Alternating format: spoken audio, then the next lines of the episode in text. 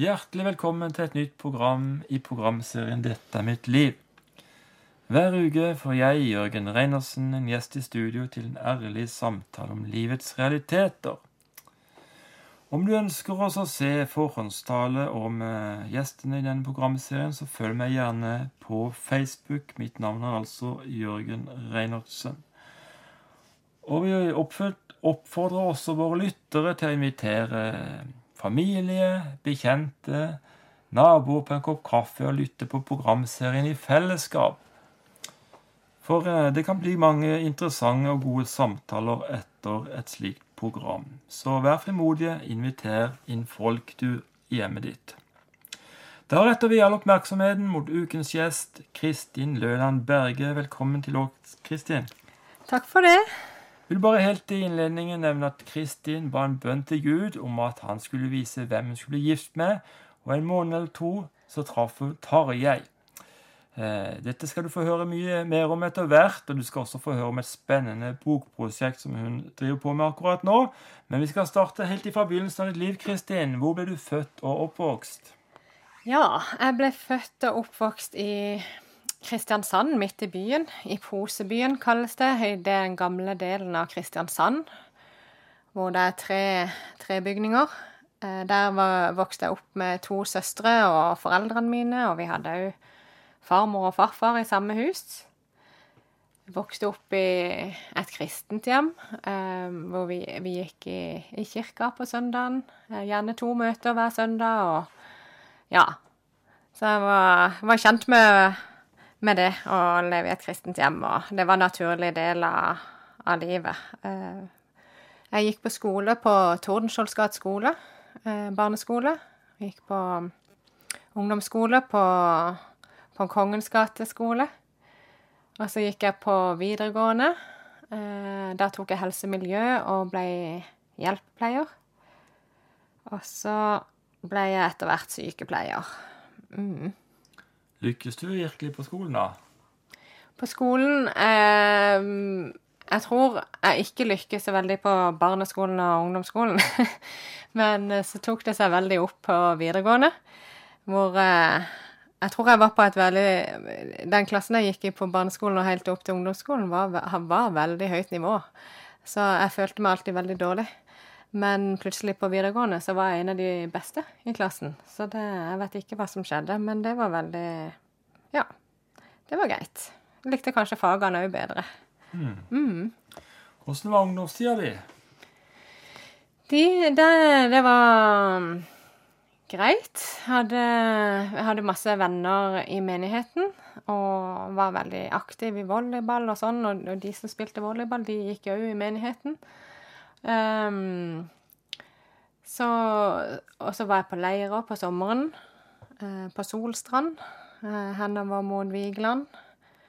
Um, og der òg opplevde jeg jo at Gud fantes. Det var jo en av de gangene jeg opplevde at Den hellige ånd var virkelig, og at jeg ikke følte at han var nær. Um, så jeg ble veldig nysgjerrig på mer av Gud. Eh, For eh, å vokse opp i et kristent hjem, så har du gjerne bare foreldrene sin tro. Så, så jeg savna jo mer noe som var mitt eget. Så, men etter hvert, selv om jeg hadde hatt den opplevelsen da på leir, så følte jeg Gud var veldig fjern. Så, så, så eh, jeg hørte spesielt en tale av Dennis Greenwich. Jeg hørte flere taler av han, og, og jeg tenkte åh, er det mulig å få det sånn med Gud? Sånn som han har det. Var veldig, men så følte jeg Gud i mitt liv var veldig fjern. Så jeg hadde Så jeg, ble liksom litt skuffa kanskje på Gud, at han var så fjern i mitt liv, og visste ikke helt hvordan jeg skulle gjøre noe med det. Eh, Så etter hvert i ungdomstida, når jeg var sånn russ og 18 år, så, så tok jeg litt avstand. eh, Helt bevisst. Eh, Jeg var klar over at Gud fantes, men jeg følte ikke det gjorde noe fra eller til, uansett hva jeg gjorde. Eh, Så jeg slutta å gå i kirka. mm, Ja. Valgte egentlig å distansere meg litt sjøl, da. Levde du litt utagerende, holdt jeg på å? Ja, ikke sånn Ikke sånn veldig, men eh, Men det var jo mer interessant å drikke enn å gå på møter. Og, men det, var, det tok ikke helt av sånn. Men, men det var Men inni hjertet mitt så fjerna jeg meg jo fra Gud, da. Uh, mm. Men uh, så ba du en bønn til Gud? Ja. Det var jo Eh, så disse årene her var jo ca. fire år, fra jeg var 18 til 22. Eh, så når jeg var rett før jeg ble 22, så ba jeg denne bønnen at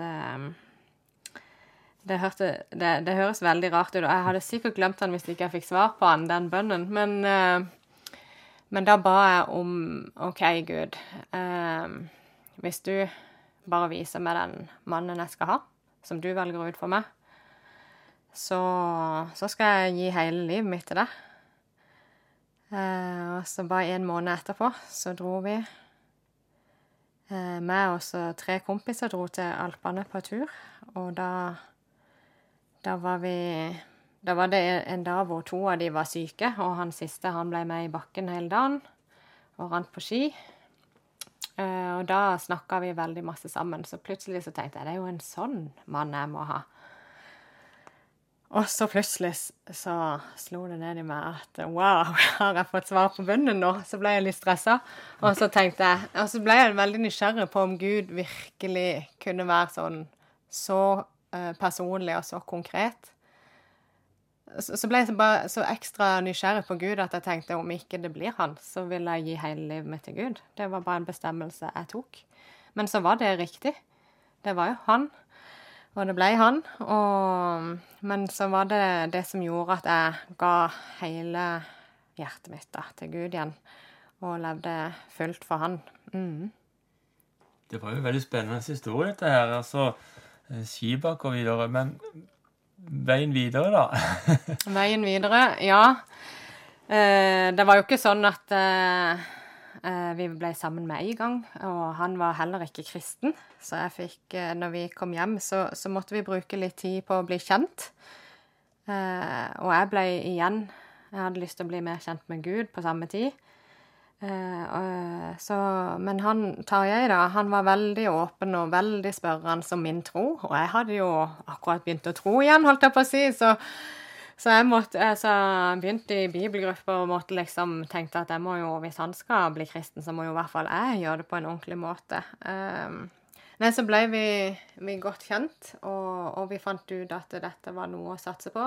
Jeg fikk mange advarsler av de i menigheten og sånn mm.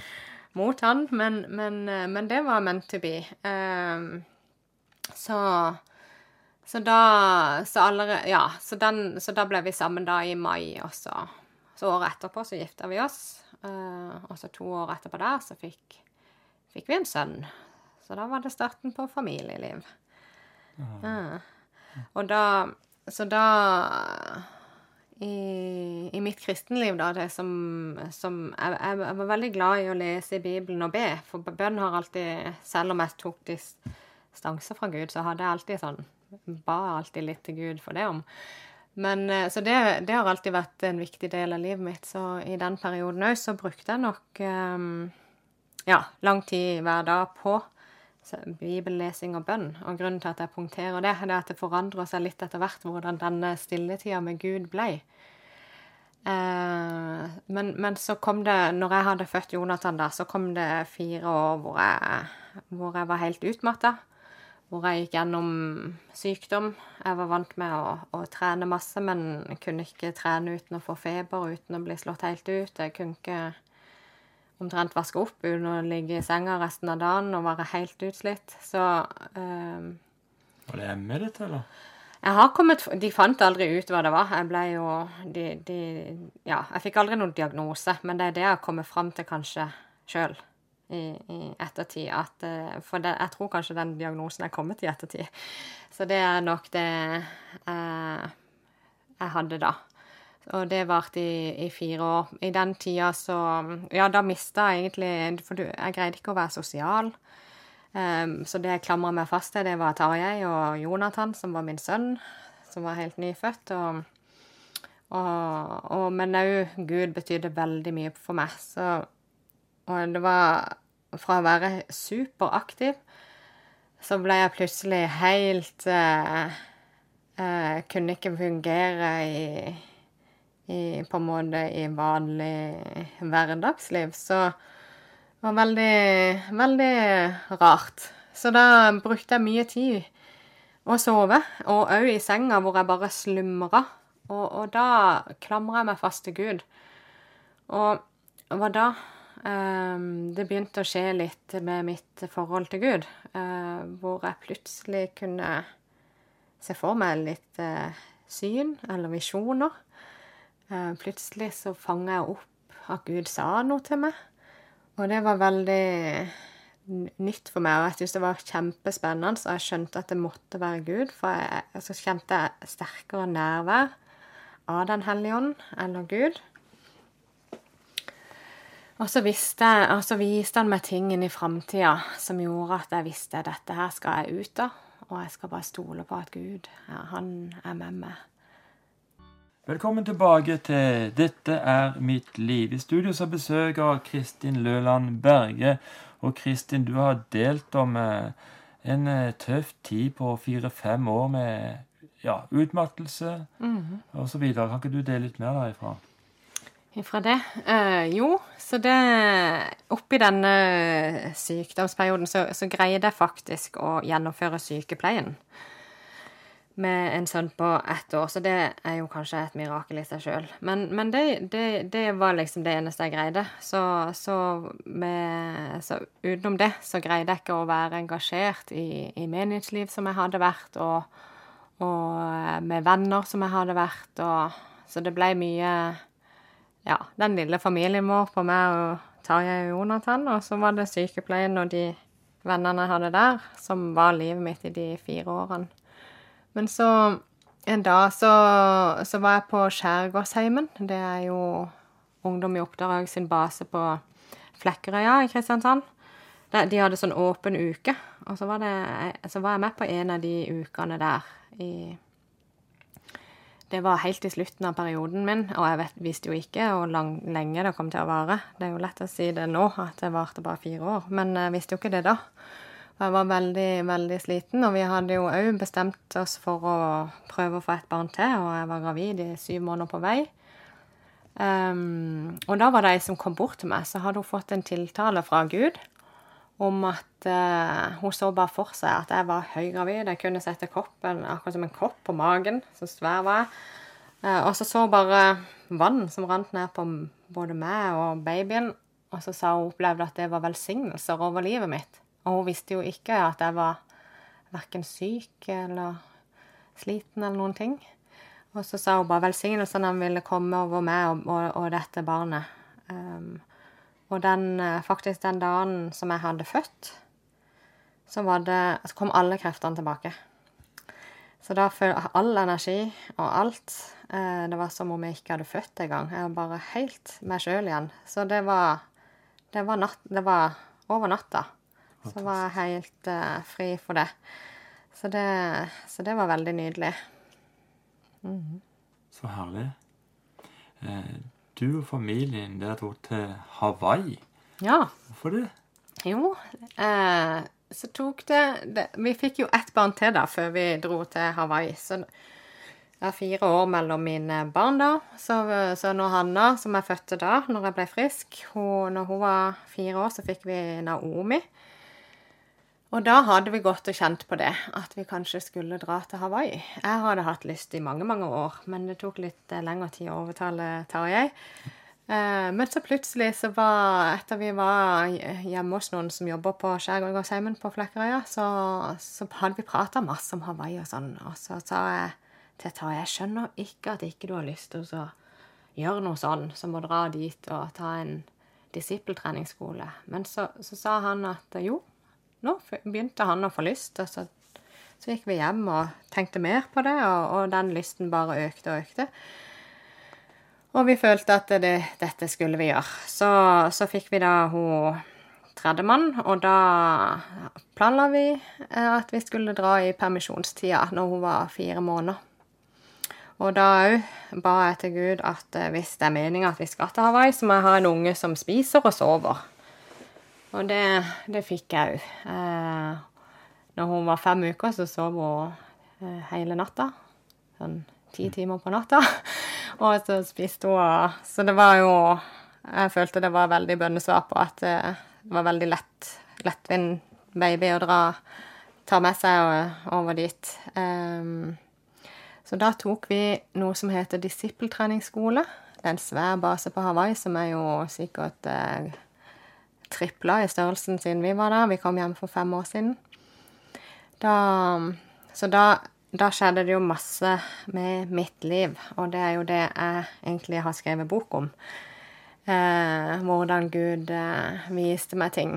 Eh, så den første uka vi var der, så, så, lærte, eh, så hadde vi ei uke undervisning om å hø, hø, lytte til Guds stemme.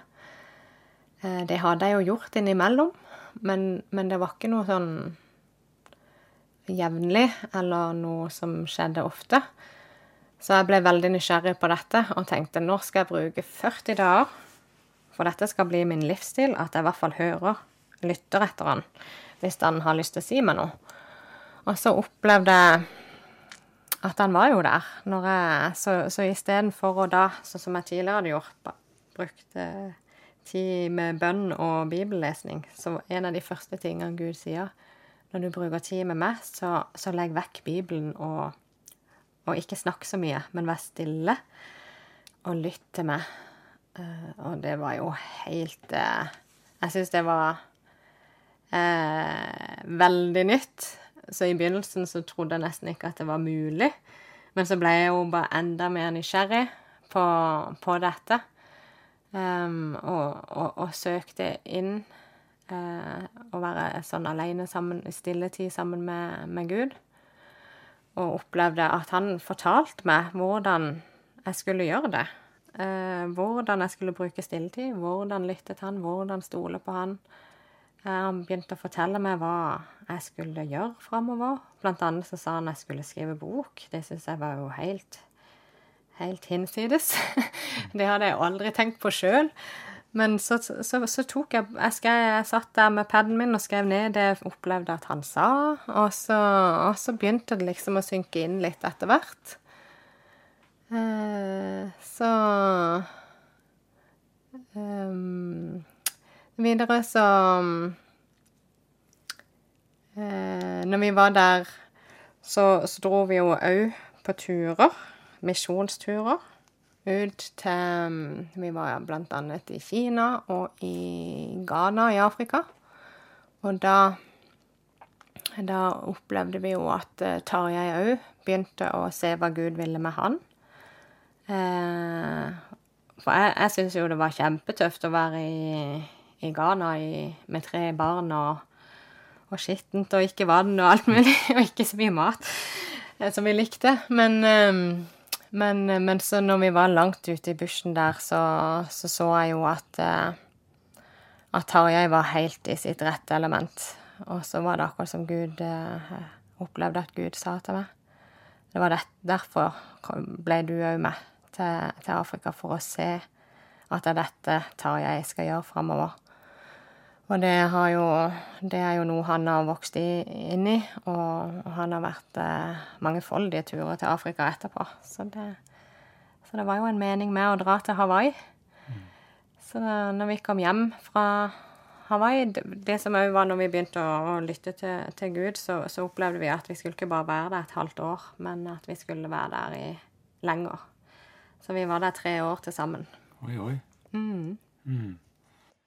Du lytter på programmet 'Dette er mitt liv'. I studio har jeg besøk av Kristin Løland Berge. Og Kristin, du har jo delt eh, mye spennende her. Du traff eh, ektemannen din, Tarjei, på en veldig spesiell måte etter en bønn til Gud. Og så var du syk i noen år. Men så reiste dere til Hawaii på disippeltreningsskole, og der opplevde, opplevde dere litt av hvert. Ja. Eh ja, det var veldig fint. Vi dro jo med alle tre barna. Eh, og fikk veldig god undervisning som gjorde Og det som òg var bra, det var jo at de utfordra oss til å begynne å bruke de tingene. Ta det inn i livet, det vi hørte. Så det var ikke bare at vi hørte og hørte, men det begynte å bli en del av livet vårt. Så det gjorde jo jeg òg med den undervisninga jeg fikk i, i, forhold til det å lytte til Guds stemme. Så hun, hun som underviste om det, Donna Jordan, hun, hun sa at det er som å lytte til fuglene når du går i skogen. Så da Det er jo av og til Du kan jo gå der uten å ense dem. Men hvis du lytter etter, så, så hører du at de har vært der hele tida. Og sånn er det litt med, med Gud. Han har veldig lyst til å kommunisere med oss. Det er noe vi gjør eh, vi, vi, har jo ånd, sjel og kropp. Det er jo noe vi gjør i ånden eller i hjertet vårt. Så, så vi må øve oss opp, for vi nordmenn er jo ikke så vant med dette. Eh, så jeg måtte i hvert fall lære meg opp og, være stille, ikke minst. Så, så, noe av de første gangene jeg begynte med dette, så, så sier Gud at bare vær stille uten å si noe i ett kvarter. Og det var veldig lenge. For det, for det, første så var det masse tanker som gikk rundt i hodet. Eh, men så etter hvert så greide jeg å roe ned tanker og sånn. Og så kunne han gjerne si 'Jeg har vært her hele tida'. Så var det liksom meg som måtte roe meg ned for å kunne være klar nok til å, til å fange opp at han faktisk er der eh, rett med og prater. Mm. Mm. Kan du huske noen spesielle opplevelser som gjorde inntrykk på deg? Ja, på tida på Hawaii? Eh, det var jo dette som gjorde sterkest inntrykk på meg. Det mm. når jeg hadde mine helt uh, alenestunder. Uh, men jeg kan uh, Så det Jeg kan nevne en historie som, uh, som er litt spesiell. Men, men, jeg skal først si at det, For der er det veldig sterkt gudsnærvær på basen. Så jeg var jo sikker på at det var derfor at jeg plutselig hørte fra Gud. Eh, at det var Jeg følte liksom vi var i en boble av Guds nærvær, og på, på bønnemøtene så skjedde det helbredelser, og vi gikk jo hele tida i den atmosfæren som var bare fantastisk. Så jeg var jo sikker på at vi var på en plass der Gud var mye sterkere til stede enn her i Norge. Eh, så en annen ting, det var Når jeg begynte å ta de stegene, stegene nærmere Gud, så merka jeg veldig mye kamp i, i, inni meg. Akkurat som eh, eh tankene mine kjempa imot dette, eller eh, at det var noe som ikke ville at, jeg, at dette skulle skje.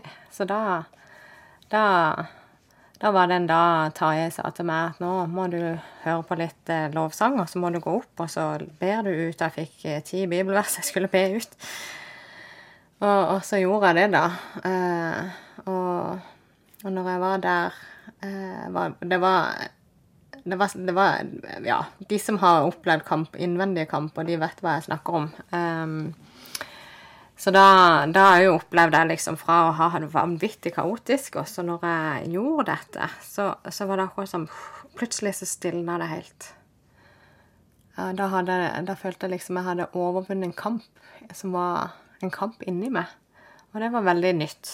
Eh, jeg tror stadig vi har sånne kamper i livet som vi må ta inn, inni oss. Så det var en av de første sånn ordentlig Det var veldig eh, kamp. Eh, som e-, etterpå det så har jeg jo ikke hatt noe kamp. Og så en annen ting som jeg har lyst til å Som var en veldig spesiell opplevelse, det var eh, Jeg hadde jeg gikk liksom sånn rundt og så bar på noe som jeg visste hadde med fortida mi, med oppveksten min. Eh, det plagde meg, liksom. Og så var det en dag Det var lille julaften i 2012. Så hadde vi besøk av søstera mi og, og mannen og tre barn. Og så, og så, skulle de på stranda, jeg skulle bare gjøre rent leiligheten i full fart. Og så la jeg meg der på senga og så sa jeg, Gud, nå må du vise meg. Hva er dette her for noe som plager meg sånn? Eh, det var, ga seg liksom ikke. Og så, og, så, og så, var det akkurat som jeg opplevde at jeg bare hørte det ordet avvisning. Eh, og, så, tok liksom Den hellige ånd meg inn i, i, barndommen min og viste meg hvordan jeg hadde blitt avvist i, i barndommen. og og hvordan jeg da ikke stolte på mennesker, hadde vanskelig for å forholde meg til eller tro at noen var glad i meg, som gjorde at jeg hadde trodd på veldig mye løgn opp gjennom tanker. At ikke jeg var god nok, at jeg kom til å bli avvist. Derfor avviste jeg gjerne folk sjøl. Og han hadde jo helt rett vet du, i alt det han sa. Men, men, det ga meg en innsikt i ting jeg ikke hadde fått innsikt i hvis det ikke var for Gud, da. Så det var en veldig fin, sterk opplevelse.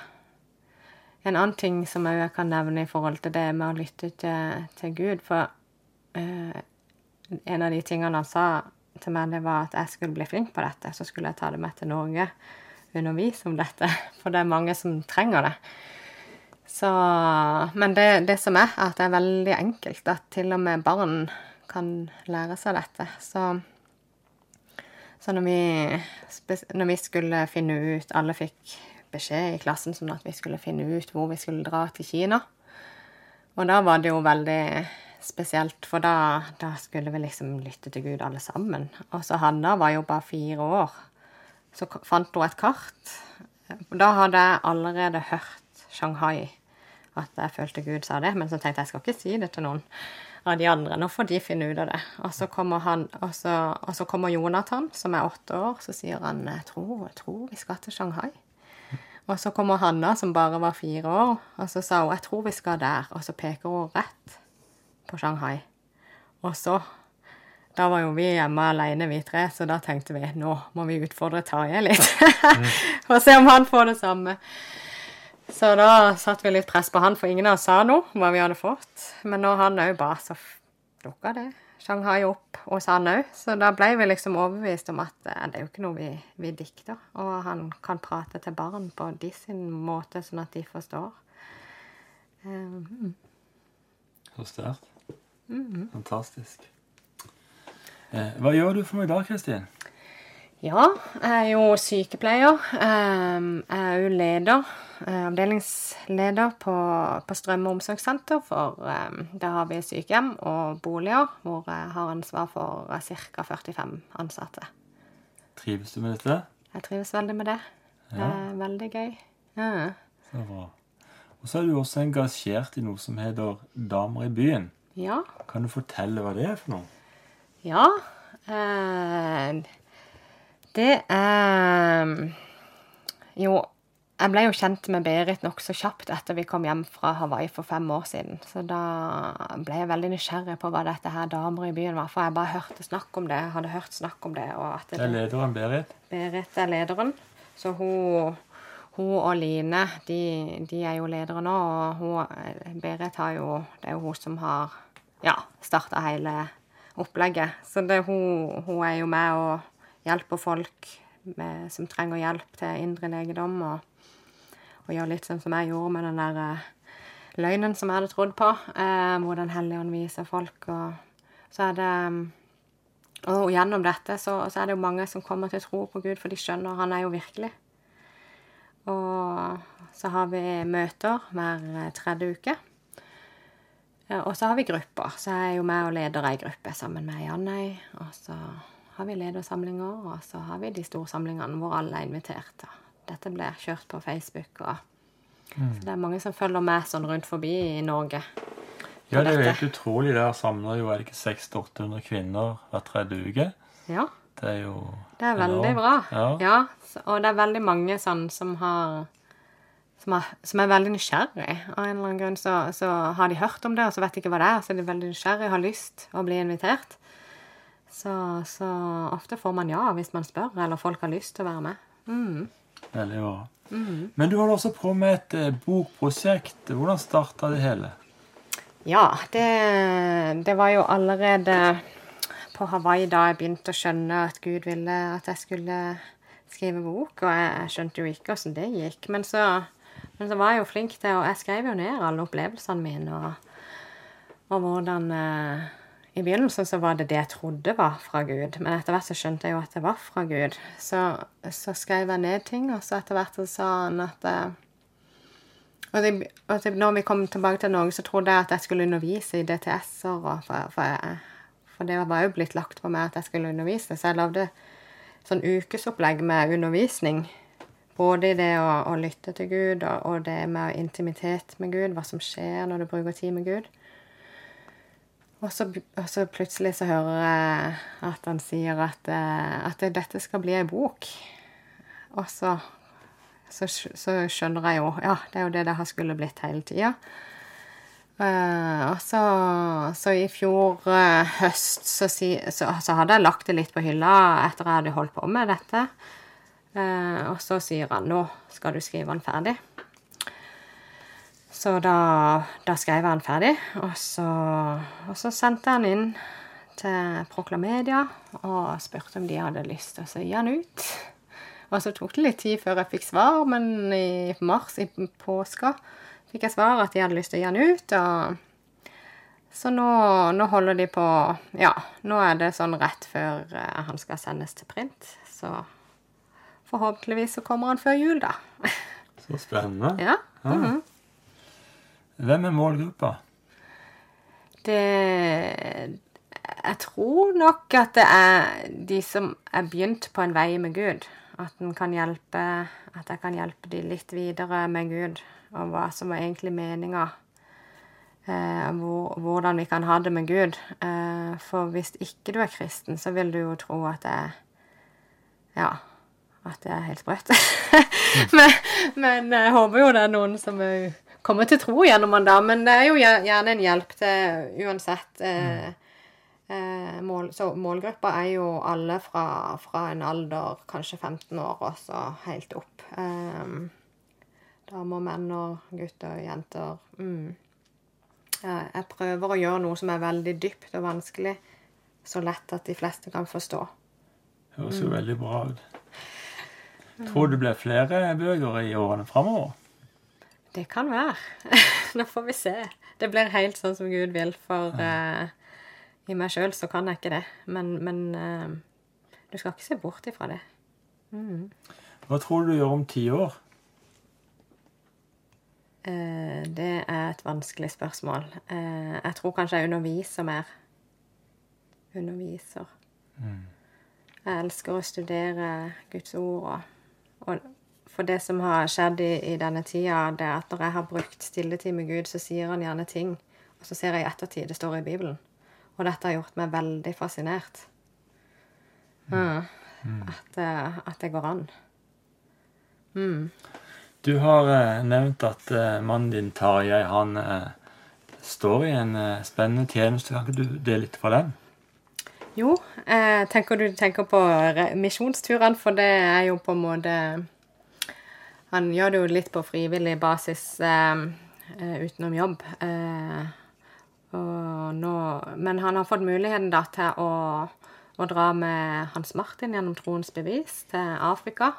Martin Skagestad? Ja. Mm. Og, og det, så det, det, begynte jo med at vi var der nede, så begynte han å, å kobles opp mot pastorer. og og, og er veldig Hjertet hans sitt er veldig der, og han er veldig praktisk anlagt. Så han, han gjør vel alt Hans Martin ikke kan. Mm. så, så, han er en Jeg tror de er et godt team. Eh, Hans Martin taler, og, og det gjør Tarjei òg, på pastorseminarer og alt. Han, han, han, han, kan brukes til alt. Eh, brenner for det, og de ser jo masse.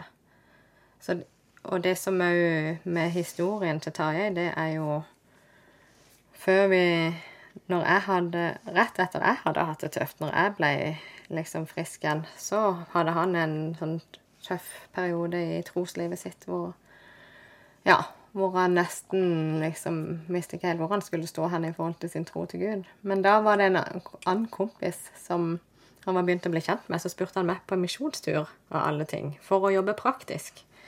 Så da ble jeg tatt med. Og etterpå det så, så, kjente han jo Han så jo hva som skjedde. Eh, at det ble bevis på at uh, Gud virker, og, og gjennom han òg. Ikke sant? Ikke bare sånn utenfra, men at uh, Gud hadde brukt for han òg. Fantastisk. Uh. Vi går mot en avslutning av dette programmet. Har du en hilsen til lytteren? Ja, det har jeg alltid. Um, jeg tenker bare på de, de versene som står i Johannes 10, 27. Jesus beskriver seg sjøl som den gode hyrden, og, og, oss som egentlig sauene. Og så sier han at alle mine sauer hører min stemme. Så det er min oppfordring. At jeg tror, jeg tror det er meninga at alle, selv om kan, det kan virke som det er bare for noen, så er det for alle som er i flokken til Jesus. Eh, så åpner vi opp, for vi har tatt imot den hellige ånd åpner opp for at vi kan kommunisere med Han og motta ord fra Han som er til, til oss. Og han eh, bryr seg veldig. Han er veldig personlig og bryr seg veldig om åssen du har det. Så jeg kunne egentlig tenke meg også bare ta en liten bønn for de som lytter. Det høres veldig bra. Så kjære Jesus, jeg jeg har bare lyst til at du skal være med hver eneste en som lytter her nå. Jeg bare ber om at eh, du skal komme og møte dem sånn som du har møtt meg. Og jeg bare ber om at du skal på, komme på et helt eh, personlig plan. Og jeg ber òg om at Din Hellige Ånd skal berøre dem akkurat der de er nå, sånn at eh, de kjenner et nærvær, de kjenner en nysgjerrighet på mer av det. Fordi du har så utrolig mye. og og som du har lyst til å dele med oss. Amen. Amen, amen. Kristin Løland Berge, hjertelig tusen takk for at du kom i vårt studio i dag. Det har vært en fornøyelse å ha deg som gjest her. Må Gud velsigne deg, din familie og din tjeneste i tida fremover. Takk. Jarle Fjelstad har vært tekniker i dag. Mitt navn er Jørgen Reinersen. Neste uke er vi tilbake på samme tid og på samme kanal med en ny spennende gjest i studio. Vi ønsker deg det beste av alt Guds velsignelse.